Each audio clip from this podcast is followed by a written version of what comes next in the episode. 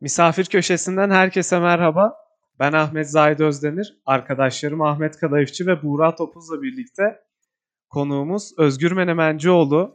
Bold and Old e, podcast'inde NBA yorumcusu. Aynı zamanda Twitter'da da çok aktif bir şekilde basketbola dair de görüşlerini paylaşıyor kendisi. Özgür Bey hoş geldiniz. Hoş bulduk. Herkese merhabalar. İyi akşamlar diliyorum.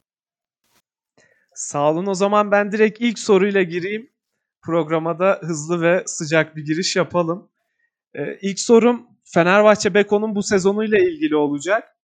Ee, hem Obradovic sonrası dönemde Kokoşkov'un performansı hem takımın sene içindeki iniş çıkışları ve sezonu noktalama şekliyle ilgili Fenerbahçe Beko'nun Euroleague sezonuyla ilgili ne düşünüyorsunuz acaba? Valla benim görüşüm şu şekilde. E, şimdi e, çok uzun süren bir Obradovic e, dönemini geçirdi Fenerbahçe. E, aslında benzer bir başlangıç olmuştu o dönemede. E, ilk senesi gayet yapılanmayla alakalı. İşte Bo McCaleb'ların falan olduğu, e, Luka Zoric'lerin olduğu bir seneydi. Ve e, aşağı yukarı buralarda bitirmişti takım. Ondan sonra e, şeyi görüp e, pozisyonu görüp ona göre ufak tefek takviyelerle ufak tefek dediğim de Bogdan Bogdanovic gibi takviyelerle e, takımı bir üst segmente getirdiler ve hani küçük rötuşlarla takım dönüştü. Şimdi bu sene de böyle başladı aslına bakarsan. E, yani bu sene tamamen bana sorarsan çok geç bir karar verildi. Yani bu listeler oyuncu listelerine biraz geç karar verildi. Koç e, koçla geç imzalandı. Bir dönem anladığım kadarıyla Yasikevicius beklendi. Ee, bunun arkasından e, geç anlaşma olduktan sonra da eldeki en iyi oyunculardan bir kadro oluşturmaya çalıştılar. Bunların içerisinde çok olumlu dönüşlerin olduğu oyuncular da oldu ama e, aynı Obradovic'in ilk senesinde olduğu gibi gerçekten hiç iş görmeyen oyuncular da oldu bu sene. Yani takım bu sene biraz el yordamıyla kurulmuş bir takım. İyi bir koç var takımın başında. Amerikan piyasasını bilen Avrupa e, coachingine biraz uzak kalmış ama Yine de milli takımlar bazında Euro oyuncuları da tanıyan bir koç e, da başlandı. E, benim güvendiğim bir adamdı. O sezon içerisinde anlamakta zorlandım. Bazı hareketleri oldu ama sonuçta e, totalde iyi bir sezon geçirdi Fenerbahçe. Yani şu oldu. Fenerbahçe'deki temel problem çok çok baba iki tane oyuncumuz var bizim. Çok baba ama yani şu anda Euroleague payrolllarında ilk 10 içerisinde olan iki tane oyuncu bunlar. Birisi 2.4, birisi 2.2 milyon dolar e, para alıyor. Yani hani bunlar gerçekten yatırım yapılan oyuncular. Daha önceki kontrat sezonlarından gelen. E, bunlar zaten bekleneni verdiler. E, Veseli ve Dekolo'dan bahsediyorum tabii ki. E, getirilen oyuncuların içerisinde bir tek Dechampierre e, verim verdi. O bir tombalaydı aslında. Yani e, ne çıkacağını bilmeden elde attığımız bir şeydi. Kumardı yani. E, o da iyi çıktı. Peki e, bunun dışında rotasyonda bakıldığı zaman çok iyi e, şeyler beklenen e, oyunculardan e, biraz problem yaşandı. Yani hiç verim alınamayan e, iki oyuncumuz oldu bizim. E, bunlardan bir tanesi Danilo Bartel'di. E, benim inandığım, savunmada inandığım bir çocuk Danilo Bartel. Biraz özgüven problemi yaşadı. E, işte mesela son bugünkü maçta özgüveni yerine geldiği zaman neler yapabildiğini gördük oyuncunun. Yani hani e, sonuçta bir şutu var, belli başlı bir şutu var. Ee, savunmada zaten her zaman bir faktördü. Ee, doğru kullanılırsa verim alınabilecek bir oyuncu ama bu takımın asla ilk, ilk 5 e, starter e, ve 25-30 dakika süre alacak bir oyuncusu olamaz. Bunu gördük zaten bu sene. E, Ulanovas bir sistem içi yıldızdı. E, siz sistemi import etmeden, e, takıma almadan Ulanovas'ı alırsınız işte böyle bir sonuçla karşılaşırsınız. Ama Ulanovas kıymetli bir oyuncu. Bizde veya başka yerde. Yani bizden gitse de kıymetli bir oyuncu. Ama yani bu oyuncuya uygun sistem geliştiremezseniz takımın içerisinde e, Ulanovas'tan verim alamıyorsunuz. Bunun dışındaki oyuncuların tamamını çöpe atabilirsiniz yani.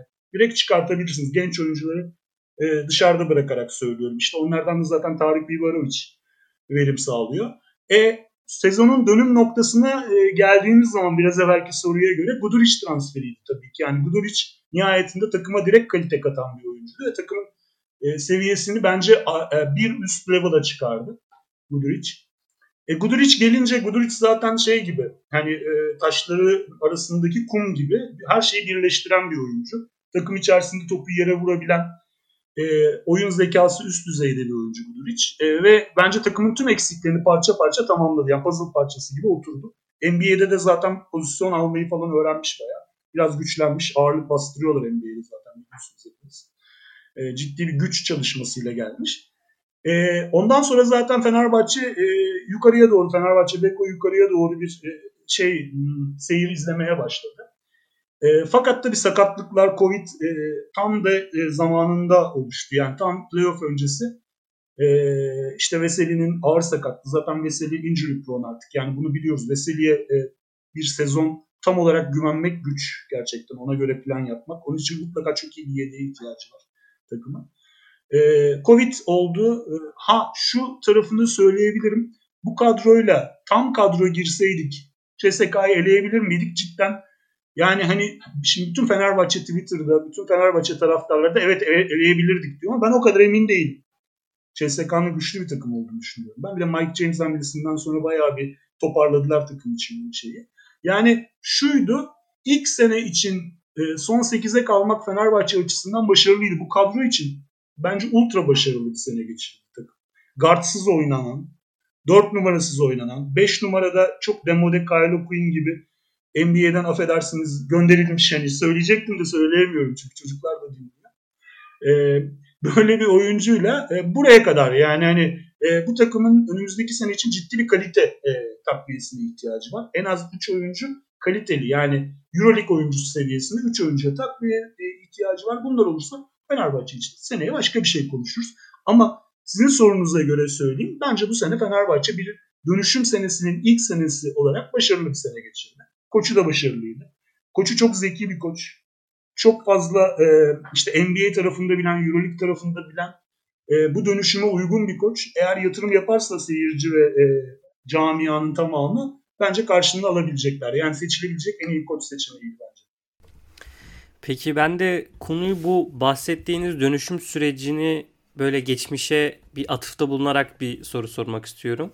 Fenerbahçe camiası 5 üst üste Final Four'a kaldı. Burada iki final ve bir Euroleague şampiyonluğu yaşandı.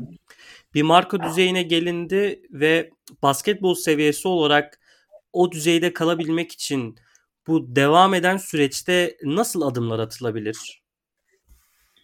Valla şöyle yani bu aslında bakarsanız e, yani normal iş dünyasında da recruitment dediğimiz elemanı içeriye alma e, durumu özel bir durumdur. Yani siz iyi bir firma olmalısınız ki en iyilerini recruit edebilirsiniz. Fenerbahçe'nin şu anda böyle bir şansı var. Fenerbahçe şu anda e, Euroleague'de en e, önemli 4-5 franchise arasında sayılan yani hani şeyin Galatasaray'ın eski başkanının dediği gibi seksi bir takım yani. Takımlar bu takımda bizim takımımızın içerisinde olmak için oyuncular isterler.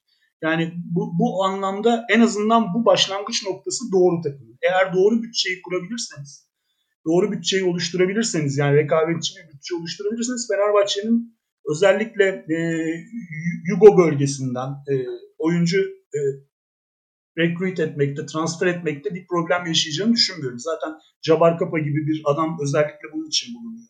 Yani eğer birisinin akrabasına iş bulmak için e, alınmamışsa takımın içerisinde. Jabbar Kapa'dan beklenen zaten buradaki Yugoslav e, bölgesindeki e, genç oyunculardan birkaç tanesini getirmek en azından. Tarık Biberovic gibi. Ama e, şu anlamda söylüyorum. Takımda artık bir temel base e, oluştu. Eğer biz bu e, özellikle free agentlardan, gidecek oyunculardan, Dekolo gibi, Pierre gibi oyuncularla uzatabilirsek eğer takımın temeli sağlam 4 oyuncudan oluşan bir temel var. Yani rotasyonu tutabilirsek eğer biz bunun üzerine de 3-4 tane hani gidecek, verim vermeyen gidecek oyuncular ve verim verecek oyuncular gibi 2-3 takviye yaparsak ki 2 tane oyun kurucu, bir tane 4 numara, Bence bir tane de 3 numara. Tabii bu oyuncuların gitmeyeceğini varsayarak bir şeyden bahsediyorum. Yani bahsettiğim 4 oyuncudan. Gitmeyeceğinden bahsederek. Yani Guduric, Pierre, Dekolo ve Veseli. Bu dörtlü takımın temeli. Yani bu, bu dörtlü prime bir dörtlü zaten. Bunun üzerine de rotasyonda yer alabilecek 3 oyuncu bulabilirsek biz bence takımın geleceği sağlam. Ama çok dikkatli seçilmesi gereken ve gerçekten bu takım kimyasına uygun seçilmesi gereken bir şey. Şuradan başlayarak söyleyelim. Dekolo'nun en verimli olduğu zamanlarda Dekolo 2 numara oynadı. Yani Dekolo karar verici değil bitirici bir oyuncuydu. Yani NBA'deki Jason Tatum gibi. Siz Jason Tatum'u point guard oynatmaya çalışırsanız sonucu böyle oluyor. Yani Dekolo o zaman istediğiniz skor katkısını da alamıyorsunuz. Yani Dekolo'nun kullanım biçimi Fenerbahçe'de bu sene böyleydi. Çünkü guardlardan Lorenzo Brown'dan falan hiç verim alamadık savunma dışında. Onun için bizim gerçekten bir tane böyle baba point gardı işte benim çok beğendiğim Thomas Walcott gibi. Hani böyle gerçekten guard gibi garda. Tamam mı? İhtiyacınız var. Böyle 30 dakikanın üzerinde yer alabilecek işte Wade Baldwin gibi. Yani böyle gerçekten fişe takıp çalıştırabileceğiniz bir şeye point gardı. Bir de onun yedeğine ihtiyacınız var. Yani ben bu konuda şey değilim. Euro basketbolu sizin kadar yakından takip etmiyorum. Ben NBA üzerine ağırlıklı şey yapıyorum. Yani seyretmeye çalışıyorum tabii Fenerbahçe maçlarını. Elimden geldiğince ama aşırı sıkılıyorum Euro basketbol seyrederken. Ama var gerçekten iyi oyuncular. Ee, bunlardan bir iki takviyeyle 3 benim hedefimde işte bir de 4 numara çok iyi bir 4 numara. Belki bir tane de 5 7 veya 5 işte Veseli'yi 4'e kaydırabilecek asıl 5. Bunun gibi böyle 3-4 takviyeyle Fenerbahçe'nin önümüzdeki senenin sene için e, e, iddialı olabileceğini düşünüyorum. Tabii bütçe çok önemli. Yani şimdi insanlar bütçeyi konuşuyorlar. Şeyden de soran olmuş. E, arkadaşlardan da soran olmuş bütçeye. Yani e, çok kısaca bahsedeyim. Ben tabii e, sonuçta seyirciyim. İçeriden bilgi alan birisi değilim ama şunu korumaya çalışıyorlar anladığım kadarıyla. Bu senenin bütçesini bile Beko'nun verdiği bütçeyi bile koruyabilmek önümüzdeki sene için başarıdır. Yani çünkü tamamen getirisi olmayan bir yatırım yapıyorsunuz. Bu bütçeyi koruyup düzgün kullanabilirsek Fenerbahçe'nin önümüzdeki sene 3 takviyeyle 4 takviyeyle yeri iyidir. Umut var yani takımda. Özgür Bey ben topu buradan alıyorum Ahmet'ten. Ve arkadaşlarıma kıyasla biraz daha farklı bir soru sormak istiyorum sizlere. Ee, günümüz basketbolundan ziyade biraz 90'lara götürmek istiyorum sizi. Ee, Dallas Comagis'ler, Henry Turner'lar, Mahmut Abdurrauf, hatta yerli rotasyonunda İbrahim Kutlay, Hüsnü Çakırgil, 90-91'de gelen şampiyonluk, 98-99'da kurulan çok önemli bir kadro var. Jan Tabaklar, Konrad Makreyler, Jalgiris'le oynanan maçlar. E, bu döneme ait anılarınızı, düşüncelerinizi paylaşma şansınız var mı bizimle? Tabii tabii. Yani ben Fenerbahçe'yi ilk izlemeye başladığım zaman Fenerbahçe'de Aliço vardı kartı yani. Hani yaşlar çıkıyor ama biraz. İşte Aliço, Fatih Özal falan o dönemden beri işte e, Fenerbahçe'yi seyrediyoruz iyi kötü. E, Fenerbahçe takımı e, bir siz yani bizim yaşımız bile sizin yaşlarınızdayken belki biraz daha ufakken Fener şey e, şey takımları, müessese takımlarının şeyi vardı ligin üzerinde ağırlığı vardı. Bütçeleri müessese takımları koyuyordu yani Efes Pilsen Ülker gibi. İşte Telekom gibi. Bu takımlar büyük bütçelerle şey yapıyordu ve camia takımları pek basketbolda yer almıyordu. Bunların içerisinde bazı seneler Galatasaray ön plana çıkıyordu, bazı seneler Fenerbahçe ön plana çıkıyordu bütçesine göre değişiyordu. Fenerbahçe iki sene ağırlıklı bütçeye yatırım yaptı. İşte birincisi bahsettiğiniz top sakallarında olduğu, Hüsnülerin olduğu dönem şampiyon oldular. Fenerbahçe uzun yıllar sonra şampiyon olan takımdı. Yani o sene biz hep şeyi düşünürdük o dönemin içerisinde. Efes'in karşısında kim çıkacak? Namus kim tokatlayacak? Yani hani böyle bir basketbol vardı. Yani sonuçta Namus bir bölüm sonu canavarıydı. Geçemiyordunuz. Geliyordu. Namus 30'a bağlıyordu sizi. Ondan sonra bay bay hoşçakalın deniyordu. Sezon bitiyordu. İşte bununla şey yapmak için, Namoski ile mücadele edebilmek için çok uğraştı takımlar. Yani yaşadık bunları ben bildiğim yaşadım. Ee, yani e, hani şey Petar Pilsen diyorlardı ya e, sıkıyorsa Namoski siz gelin oynayın falan diyor. Yani o dönemin laflarıdır bunlar işte. Efes bir sene. Ee, o dönemde işte Fenerbahçe dönem dönem ciddi yatırımlar yaptı. Bu Hüsnülerin oynadığı seneler böyle senelerdi. Ee, benim yani o seneye hatırlıyorum ben. Şampiyonluk için girildi. Çok top yani böyle çok prime bir kadro zaten. Kim varsa takımın içerisinde yerli oyunculardan bir kere onlar getirildi o sene. Ee, şampiyon da olundu. Zaten bekleniyordu. Ee, çünkü yani ne kadar siz bir dynasty olsanız da öbür tarafta kötü bir sezon geçiriyorsunuz. O sene de sezonda Fenerbahçe şampiyon oldu. Ama şey kadrosu korkunçtu yani. O Mahmut Abdurrauf'lu Chris Jackson kadro yani. Korkunç bir kadro. Yani, yani e, şey böyle bu senenin şey kadrosunu yener yani bence. İşte NBA'in sonuncu 30. takımını falan rahatlıkla yenebilecek bir kadroydu. Eğer iyi birkaç takviyeyle böyle. Şeyi çok e, koru çok sağlam bir kadroydu. E, fakat onda da çok şeydi. Çok atan vardı. E, top paylaşımında problem vardı. Yani bilmiyorum şeyi ne kadar hatırlarsınız işte Mahmut Abdurrauf'u. Mahmut Abdurrauf top kullanmak isteyen bir point guard. E, onu şeye benzetiyorum şimdi işte.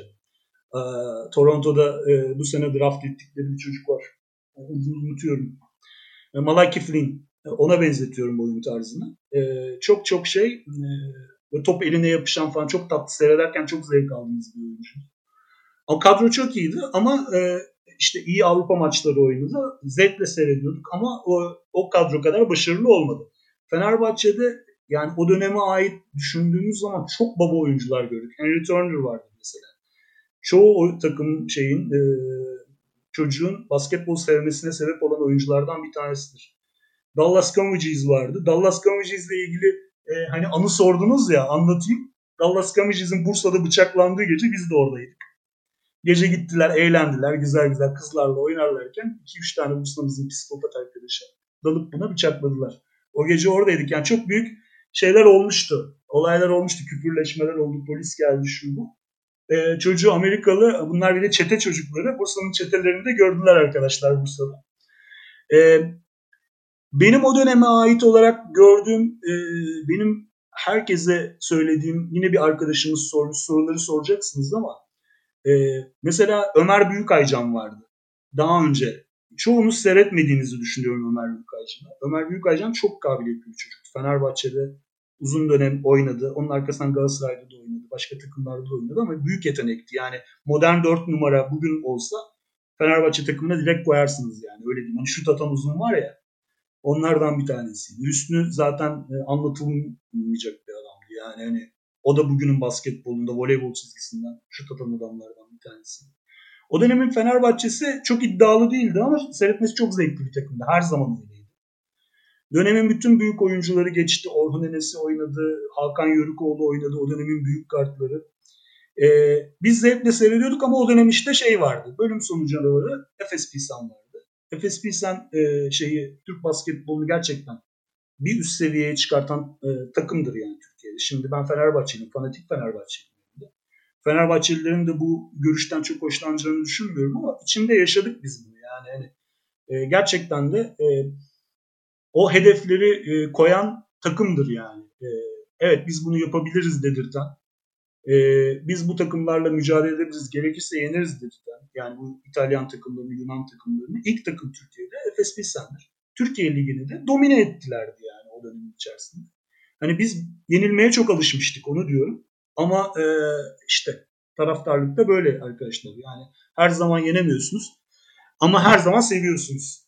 Bu sene olduğu gibi Fenerbahçe'yi. Yani biz 4 sene 5 sene şampiyon olduk. E, Final Four oynadık. Avrupa şampiyonluğumuz var. Bu sene kötü geçti. Biz artık Fenerbahçeli değiliz diyemeyiz. Bu sene de başka bir e, e, şey e, şekilde support etmek, desteklemek zorundayız Fenerbahçe. Evet, bayağı da aslında e, detaylı bir şekilde anlattınız takipçi sorularından da biraz bu şekilde başlayalım. Sakarya Basket Fan adlı tabii, hesap tabii, Ülker öncesi dönemden en sevdiği 5 oyuncu hangileridir acaba demiş. Bazı isimleri saydınız ama şöyle toparla, toparlayacak olursak 5 isim kimdir? Valla ben 5 isim buraya not etmiştim. Dersimi çalıştım arkadaşlarım. Ee, bir dakika bakalım. Ee, Hüsnü Çakırgil, Hakan Yörükoğlu, Henry Turner, Ömer Büyükaycan, İbrahim Kutlay. Benim en sevdiğim 5 oyuncu bunlardı. Fenerbahçe forması altında seyrettiğim. Yani saysanız çok sembol oyuncular vardır. Altar abi vardır. Altar abi müthiştir yani. Hani o boyuyla, çok undersized fiziğiyle. Güray Kanan vardır. Güray Kanan Fenerbahçe basketbolun sembollerinden bir tanesidir. Yani saysam çok oyuncu sayarım. Eski dönemden ben Fatih Özal'ı, Ali Çoğ'u çok severdim. Yani Fatih Özal gibi şutör çok azdır. Mesela hatırlamazsınız. ismini bile belki ilk defa. Ama bunlar baba oyunculardı yani. Ama benim beşim böyle. Yani şeyden önce, ülker öncesi dönemden bahsediyoruz. Yani benim ama benim en sevdiğim oyuncu kimdi dersen ben Hüsnücüyümdür. Yani Hüsnü gibi bir adam ben hayatımda görmedim. Yani tempo tempo şutörü diye bir şey vardır. Hüsnü böyle azdığı zaman arka arkaya 10 tane atar böyle şey gibi. E, Curry gibi. Böyle hani Curry'den önceki Curry gibi yani. E, orta sahayı geçer kaldırır atar yani. Hiç bakmaz ve böyle tempoyu buldum 10 tane. 10 tane atar. Ya biz 10 üst üste üçlük attığını gördük. Bir Tofaş maçında hatırlıyorum ben. Biz o zaman o zaman Tofaş Altyapısı'nda oynuyorduk. Yani biz hani maç maça gidersiniz seyredersiniz ya e, şeye takım olarak. Yani Hüsnü orta sahadan bir tane attı biz ayağa kalktık. Ceza idmanı yedik bunun için yani. yani inanılmaz bir şeydi yani böyle delirdik hep beraber yani. yani rakip bize atıyor çünkü arkadaş. Neyse e, tek isim sayarsam Hüsnü'dür. Arkasından İbo'dur. İbrahim Kutlay çok büyük oyuncuydu. Yani o da o da büyük skorerdi ve Fenerbahçe altyapısının ürünüdür tamamen. Ee, benim 5 oyuncum böyle. Seyretmekten zevk aldım. Teşekkürler. Ben de yani yaşım gereği çok yorum yapamıyorum ama kayıttan sonra özellikle Hüsnü Bey'in highlightlarını bulmaya çalışacağım. Kerem Yılmaz Bey'in sorusuyla devam edelim. Türkiye liglerinde Fenerbahçe hı hı. dışındaki takımlardan oynayan oyunculardan keşke Fenerbahçe formasıyla izleyebilseydik diye düşündüğü azami 5 isim. Tamam. Ee, peki. Ee, Kerem bu arada çok iyi arkadaşımın kardeşim. Çok sevdiğim bir kişidir. Ee, çok iyi basketbol oyuncusuydu. Ee, bir numara Alperen Şengün. İki Şehmus. Hazar. Üç Vasilya Mitsic. Dört Mamcayte. Ve beş Sertaç Şanlı. Ama şeyi de kayacağım ben. E, bütün nefreti üzerime almayı göze alarak Sam Decker derim. Sam Decker e, şeyini bulabilirse, temposunu bulabilirse büyük oyuncu olma ihtimali var ve herhangi bir Euroleague takımı tarafından şans verilmeyi hak eden bir oyuncu bana sorarsanız. Sam Decker da derim ama 5 oyuncu sayarsam Sam Decker yok. Kafi. Teşekkürler. Ee, sıradaki soruyu ben soracağım Özgür Bey. Ömer Faruk Memduh e, soruyor bu soruyu. Yıllardır kadro planlamasında bir tane orijinal 4 numaraya yer veriliyor ve tabii ki Bartel önceki iki isimle aynı seviyede değil. Yan 4'e çekiliyor. Bazen evet savunmamız yükseliyor ama dış şut tehdidimiz azalıyor. Seneye kadroda iki orijinal power forward bulunacak olsa kimleri ister? NBA veya Euroleague fark etmez. Yani şöyle ee, iyi bakayım. E, ben benim İki tane oyuncum var. Bir tanesi Aşil Polonara. Bu sene seyrettiğim, zevk alarak seyrettiğim bir oyuncu. Ee, seneye NBA'de şey gelebilir. E, boşa çıkarsa yani ben aslında çok çıkacağını umuyordum. Gerçekten kötü oynamasını da istiyordum ama Nikola Melli tekrar dönerse çok memnun oluruz. Gerçekten bizim için çok ideal bir oyuncu olur Nikola Melli ama Dallas'ta bayağı süre almaya başladı Nikola Melli. Yani acaba dönebilir mi? E, çünkü şöyle şimdi 4 numara 4 artık NBA'de 4 numara diye bir şey aslında yok. Yani uzunlar var. Tamam mı? Yani 4-5 zaten hepsi birbirine benzer oynuyor. Dışarıya işte pick and roll olduğu kadar pick and pop da yapan, dışarıya çıkıp şut atan uzun oyuncular tercih ediliyor NBA'de de. Onun için artık 4 numara daha çok bizim Euroleague'e özgü kalmış jargonlardan bir tanesi. E, işte İngilizce bigs deniyor. Yani bigs. iki tane uzunla oynuyorlar. Bunların tamamı dışarıya doğru pick and roll olduğu kadar pick and pop e, şeyde olan, tehdidi de olan, topu yere vurabilen, gerekirse adam geçebilen oyunculardan oluşuyor. Şimdi bu oyuncuların zaten en iyilerini NBA e, dışarıya salmıyor. Zaten bakıldığı zaman temel Avrupa basketbolunun temel problemlerinden bir tanesi şu arkadaşlar. Artık G League para veriyor. Ciddi para ödüyor artık G Eskisi gibi biz NBA'in bir altındaki B sınıf oyuncuları Avrupa'ya getiremiyoruz. Veya Avrupa'da tutamıyoruz. Yani işte Yugoları falan filan. Çünkü adamlar bir G League'de oynamasını istiyorlar artık NBA oyuncularına. Yani kadrolarına giremeyenleri görmek için. İkincisi adamlar para veriyorlar. Yani nihayetinde ve biz artık Türkiye'de C sınıfı. Yani ilk 500'ün, ilk 400'ün dışında kalan oyuncularla oynamak zorunda kalıyoruz. O yüzden NBA'de başaramamış e, ama e, Avrupa'da kendi ispatlamış oyunculara gitmek daha mantıklı olabilir. E, yaşı da biraz ileride 28-29 yani NBA ihtimali bitmek üzere olan biten oyuncularda. Benim onun için Nikola Melli'yi söylerim. Polonari'yi zaten söyledim. Ha, bir cesur tahmin yapayım. Getirin Carmelo Anthony'yi 37 yaşında. E, getirsin her maç 40 sayı atsın şeyde Türkiye'de yani canavar. Peki sizi yakalamışken Brad Wanamaker'ı sorayım. 4 maç. Ama ben E, Brad Wanamaker NBA'de kontrat bulur. Yani çünkü çok iyi e, sezonlar oynuyor NBA'de. Yani şöyle e, şimdi şöyle bakıyoruz. Türkiye'de bir Amerikalı yani Avrupa'da bir Amerikalı oyuncunun oynayabilmesinin bir şartı var arkadaşlarım. O da para kazanmak. Yani NBA'de kazanabildiğinden daha fazla kazanabiliyor olmak. Çünkü adamların hayali NBA'de oynamak. Yani %20 altında bile kazanıyorsa NBA'de NBA'de oynarlar. Brad Wanamaker'ın bütün hayali NBA'de oynamaktı. Çünkü Avrupa'da oynadığı her seneye NBA çıkış klozu koydu sözleşmenin içerisinde. Şimdi Boston'da kendi ispatladı 3. guard olarak. E, Golden State'te oynadığı sürenin içerisinde gayet. NBA'de hangi takımda oynarsa oynasın verim verdi. İşte New Orleans'a şey oldu, takaslandı. Orada da verim veriyor. Onun için bu üçüncü guard pozisyonunu oynayan bir oyuncu, onun yaşında bir oyuncu rahatlıkla 2,5-3 milyon dolarlık kontratlar alabilir NBA'de.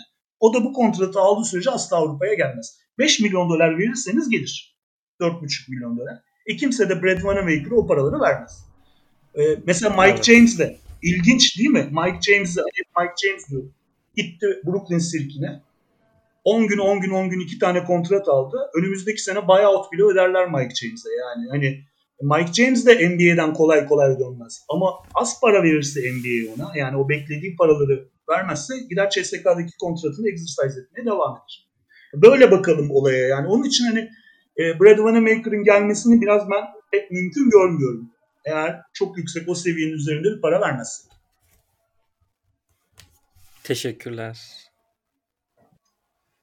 Ben de buradan alayım o zaman. Zaten hafif e, söz Vanamaker'a geldiği için kısalara da kaydı. Tayfun Bayram isimli takipçimiz evet. sormuş. E, bu sezon içinde keşke Fener'de olsa seneye dediği bir oyun kurucu oldu mu? Yine Avrupa'dan veya NBA'den olabilir bu isim. Valla e,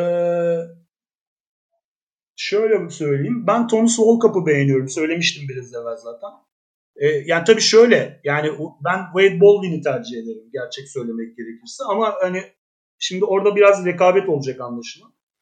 E, Volkap'ı çok beğeniyorum point guard olarak ama ve lakin e, orada şey e, Volkap'ta Kaunas'tan alınacak bir oyuncu ve Kaunas sisteminden oyuncu transfer etmekten hani böyle olduk artık. Hani bilemiyorum. Ee, şeyi çok beğeniyorum ama yedek point guard olarak düşünebilirim. Atletizmini falan çok beğeniyorum. Maudelo var ya şeyde e, Alba'da. Onu beğeniyorum. Ha, biraz bu da şey tabii. Hani e, böyle al direkt fişe tak çalıştır bir oyuncu değil ama belki bir sistem içerisinde şey yapar. NBA'den de ben şeyi çok beğenirdim. Cassius Winston'ı. O da şeyde e, Washington'da bile doğru düz süre bulamıyor ama müthiş bir şeyi vardı. E, NCAA kariyeri vardı adamın Michigan'da. E, eğer o seneye Avrupa oynamaya karar verirse Cassius Winston tam e, şey EuroLeague oyununa uyum sağlayabilecek böyle sağ generali oyunculardan bir tanesi. Şimdi şöyle oluyor e, NCAA'den NBA'ye geçişlerde. E, NBA'de üzerine, şey, NCAA'de üzerine çok yatırım yapılan oyuncular, e, işte takımı onun etrafında kurulan oyuncular, maç başına 20-25 top atmaya alışmış oyuncular. NBA'ye geldiklerinde eğer aşağılardan seçilirlerse bu topları onlara kullandırmıyorlar. Bunlar da tempo oyuncuları olduğu için hani öyle bir e, sağ generali oyuncular olduğu için NBA'ye uyum sağlamakta zorlanıyorlar. İşte e, sorularda da vardı. Carson Edwards bizim Kerem e, bahsetmişti yine. Carson Edwards'ın Boston'da şişmesinin sebebi bu. Yani Carson Edwards şeydeyken e, üniversitedeyken maç başına 20'den aşağıya top kullanmıyordu yani 12-13 üçlük atıyordu yani. Şimdi sana NBA'de bu topu vermezler. Yani böyle bir oyuncunun gelebilmesi için NBA'ye şey e, Avrupa basketbolunda da bunu kazanabilmesi için al kardeş bu top senin ne istiyorsan yap bu topla diyecekler. Böyle e, bir oyuncuyu getirip Mike James gibi takımı onun etrafına kurabilirsiniz. Bu tür adamlar başarılı olur. Sorun sıkıntı budur. Onun için hani e, ben bu oyuncunun Avrupa'da çok başarılı olacağını düşünüyorum Cassius Winston'ın. Zaten gelirse görürsünüz. E, çok çok zeki bir heriftir. Şut falan da çok iyidir. Savunmada biraz defekleri var. E, keşke alabilsek mesela biz. Ama biz gene de anladığım kadarıyla Fenerbahçe takımı yine de e, kendisini Euroleague'de kanıtlamış oyunculardan bir tanesine gitmek durumunda. Veya Yugolardan bir tane getirecek anladığım kadarıyla. Bu bizim Masör'ün Masör'ün oğlu var. İsmini unutuyorum. O da şu anda şeyde Sırbistan'da bayağı e, şey kabiliyetli bir çocuk ama ismini unuttum kusura bakmayın. Mesela öyle bir iki tane genç yetenek getirirseniz NBA şansı olan Bogdanovic'i getirdiğiniz gibi altyapısından e, şey başarılı olabilir. Ama ben mesela şey ismini çok ilginç buluyorum. Maudelo'yu. Oyuncuyu değerlendirirken ben arkadaşlarım genç oyuncuda sadece şuna bakarım. Öğretilemeyecek kabiliyetleri var mı genç oyuncunun? Yani boy. Öğretemezsiniz boyu. Oyun zekasını, oyun algısını bunları öğretemezsiniz. Ama mesela şutu öğretebilirsiniz. Savunmayı, pozisyon savunmasını öğretebilirsiniz. Birebir savunmayı öğretebilirsiniz. Yani e şimdi çocuğu o şekilde bulup belli yetenekleri olan yatırım yaparsanız karşılığını alırsınız. Böyle çocukları bulurlarsa işte Maudelo'yu o yüzden söylüyorum. Atlet çünkü. Yani hani belli yetenekleri var çocuğun. Getirip yatırım yapabilirsiniz. Karşılığını alabilirsiniz. Böyle bir adam bulacaksınız mesela. Ama asla takımın birinci point gardını e, pozisyonunu emanet edeceğiniz bir adam değil. Onu da söyleyeyim yani. Baba bir point guard'ın yanında yer almalı. E, ben de Bedri Özgür'ün sorusuyla devam etmek istiyorum. E, Beşiktaş'ta bir çocuk var. 18 yaşında uzun. Onun hakkında ne düşünüyor merak ettim. Fenerbahçe ister mi? Tahmin ettiğimiz kadarıyla Alperen Şengün'den bahsediyor. Ben hem Fenerbahçe ister mi sorusunu sormak istiyorum. Bir de modifiye ederek NBA draftlarında ne yapar ve NBA'de ne kadar kalıcı olabilir diye soruyu değiştiriyorum Özgür Bey. Peki. Şimdi Alperen'le ilgili benim Twitter'ımı e, takip edenler zaten benden nefret ediyorlar. E, şöyle söyleyeyim. Alperen çok yetenekli bir çocuk. E, gerçekten öyle. Yani hiç konuşulacak bir şey yok. Fakat Alperen'in e, NBA için birkaç tane problemi var. Alperen çok yavaş. Ayakları çok yavaş bir oyuncu. İki, Alperen'in boyu kısa. Alperen NBA'de ancak 4 numara oynayabilir. E, Alperen undersized bir oyuncu. Şimdi bunlar konuşulmuyor. Şimdi burada şeyle oynadığımız zaman işte büyük çekmeceyle oynandığı zaman o şeyin zaten 3 numaradan 4 numaradan bozma pivotları sırtına alıyor. Dönüp dönüp atıyor çocuk. İstatistiğini de yapıyor gayet güzel. Fakat e, mesela işte Efes Pilsen maçı gibi e, baba bir maçın karşısında iyi bir uzun çıktığı zaman daha henüz ne yapacağını bilmiyor. Bilmek zorunda da değil. Daha 18 yaşında bu çocuk. Yani bu çocuk basketbol oynamayı öğrenecek daha. E, önce onu söyleyeyim. NBA draftlarında e, biz Mete ile şeyde kendi podcastimizde çok konuştuk bu konuyu. NBA draftlarında modalar var arkadaşlar. Yani şu var. Mesela bazı mesela Dragan Bender'in draft edildiği seneyi düşünün. Tamam mı? O senelerde topu yere vuran uzunlar point guard gibi oynayan uzunlar modaydı. Tamam mı? Mesela Dragan Bender uzu şeyi e, o, o NBA'de tutunamayınca mesela Pokusevski e, aslında ilk ondan seçilecek bir yetenek olmasına rağmen 20'lerden seçildi. Düştü. Tamam mı? Şimdi mesela Alperen'in çok büyük bir şansı var. Alperen şu anda yok için çok başarılı olduğu bir MVP seçileceği bir sezonda drafta giriyor tamam mı? Ve şu anda çok başarılı bir şekilde kendi menajerlik takımı tarafından Next yok hiç diye tamam mı? Şeylere oradaki bütün yabancı şeylere pompalanıyor. Bu çok güzel bir şey. Bunu kötü kötü bir şey olduğu için söylemiyorum ve kimse Next Next yok için kaçırmak istemez. Yani GM'lerden NBA GM'lerinden hiçbir tanesi. Yani onun için bir yerde mutlaka Alperen'e Alperen'deki potansiyeli görüp Alperen'e aşık olan bir GM bulacaklardır. Benim şan, benim tahminim ben benim ben kendi adıma söylüyorum. Bunu söylediğim için beni linç ediyorlar zaten Twitter'da.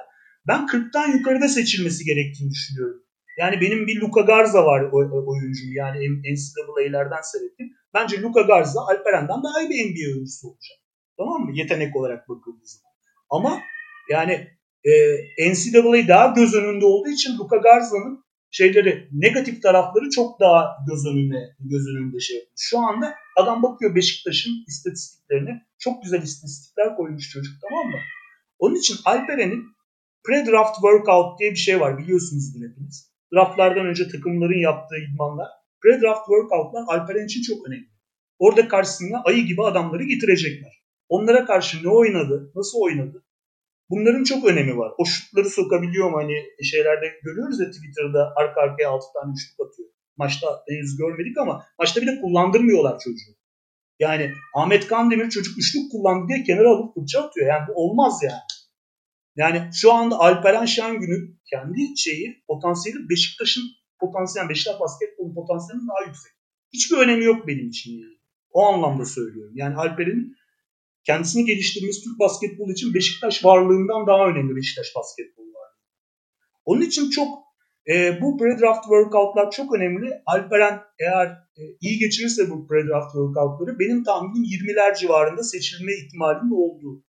Yani e, ben lottery olabileceğini düşünmüyorum. Çok özel bir durum olmazsa, çok aşık bir GM bulmazsa kendisine. Lottery, yani ilk 14 lottery dediğim. E, bilmeyen arkadaşlar vardır. Ama yani 20, 20, 25 buralardan gideceğini düşünüyorum. Ama bana sorarsanız bu kabiliyetiyle bu şu andaki oyuncu pozisyonuyla, size'ıyla yani kendi hakkı ikinci turudur. Yani bu yani şey değilim ben bu çocuğun çok para kazanmasını isterim. En iyi yerlerden seçilmesini isterim. Buna hiçbir şeyim yok. Gerçekten isterim yani. Çocuğun heyeti olacak halimiz yok. 50 yaşındaki adam yani. Ama gördüğümüz, benim gördüğüm Alperen'le ilgili bu. Çok çalışması gerekiyor yani. Ve bu yeteneği de var. Zeki bir çocuk. Oyun hissiyatı çok yüksek. Çok yani çok şaşırtıcı derecede. Onun için Alperen'in durumu bu. Alperen draft edilecek bu sene. NBA'de de bana sorarsan kalıcı olacak iyi idman yapıp biraz kalınlaşırsa. Yani NBA'de iyi bir rol oyuncusu, rotasyon oyuncusu olur. Yani e, işte bizim baskınımızda oynayan ismini şimdi zikretmek istemediğim arkadaş kadar NBA kariyeri yapacaktır yani. E, çünkü bazı konularda ondan daha yetenekli arkadaş.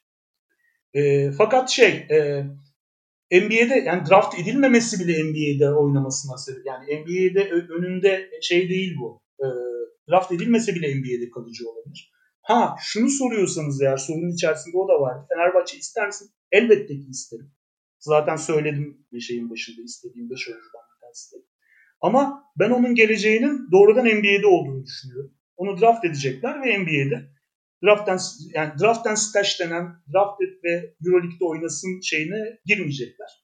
Bence NBA'de ya kadroda yer alacak ya çift yani şey e, hem G League'de oynayabilecek hem normal takımda oynayabilecek kontrat verecekler kendisine.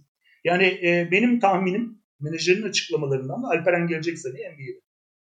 Teşekkürler. O da Amerika macerasında umarız başarılı ve kalıcı olur. Ben Mehonix kullanıcı adlı kullanıcının sorusunu ileteyim. Seviyoruz kendisini. Sorum şu. Gelecek sezon Fenerbahçe bütçesini bu yıla göre daha yüksek olmasını bekliyor mu? Bütçeden biraz bahsetmiştik. Ee, 360 derece kullanıcı adlı dinleyicimizin de sorusunu ben hemen ileteyim. Biz kayıt esnasındayken gelen bir soru.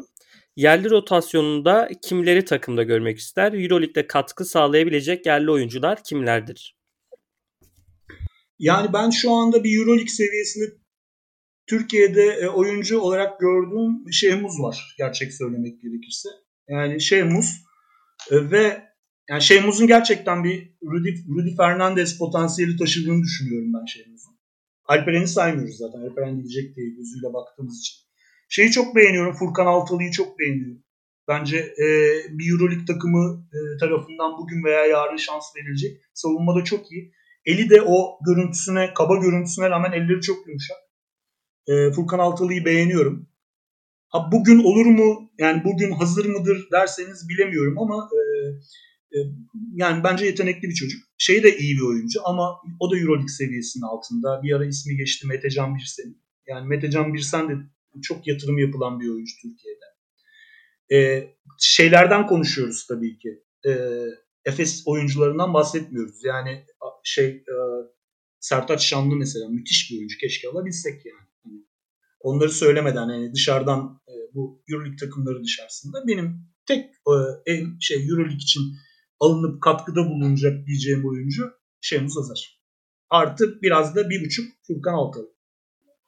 Ha bütçeye gelince Meo'nun zaman... söylediği, Meo bu arada bizim şeyimizin bir takipçisi.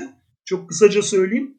Ee, bütçede e, şimdi acı badem sözleri falan geliyor. E, şimdi bütçe hikayesi şu. Fenerbahçe'nin bir bütçesi var. İşte Ülker zamanından gelen bir e, bütçe rakım var. Bu bütçe fena bir bütçe değil. Euroleague takımları içerisinde belli bir bütçe ama bu bütçe sürdürülebilir bir bütçe de değil.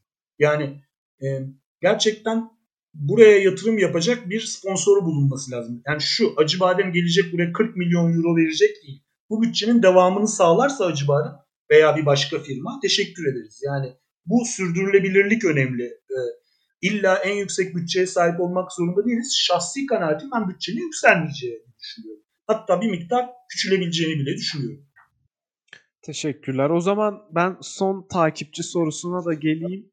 Aslında cevapladığınız için doğrudan sormayayım ama Tayfun gözünden e, Nickli Tayfun Kublay söylemiş. Hani Boston Celtics'ten Fenerbahçe Beko'ya hangi gardı transfer etmek ister diye. e, siz zaten Carson Edwards'ın ismini e, zikrettiniz. Ben Buğra'ya e, pas atıyorum. O son bir soru soracak. Ondan sonra programı yavaş yavaş kapatabiliriz. Ben Fenerbahçe'nin guard rotasyonuyla alakalı bir şey sormak istiyorum. Hani çünkü guard rotasyonuyla alakalı e, epey bir demeç verdiniz. Yerli kısmına biraz değinmek istiyorum ben. Kenan Sipahi Real Betis takımından bir yıllığına kiralandı ve sezon sonunda büyük ihtimalle dönecek İspanya'daki takımına.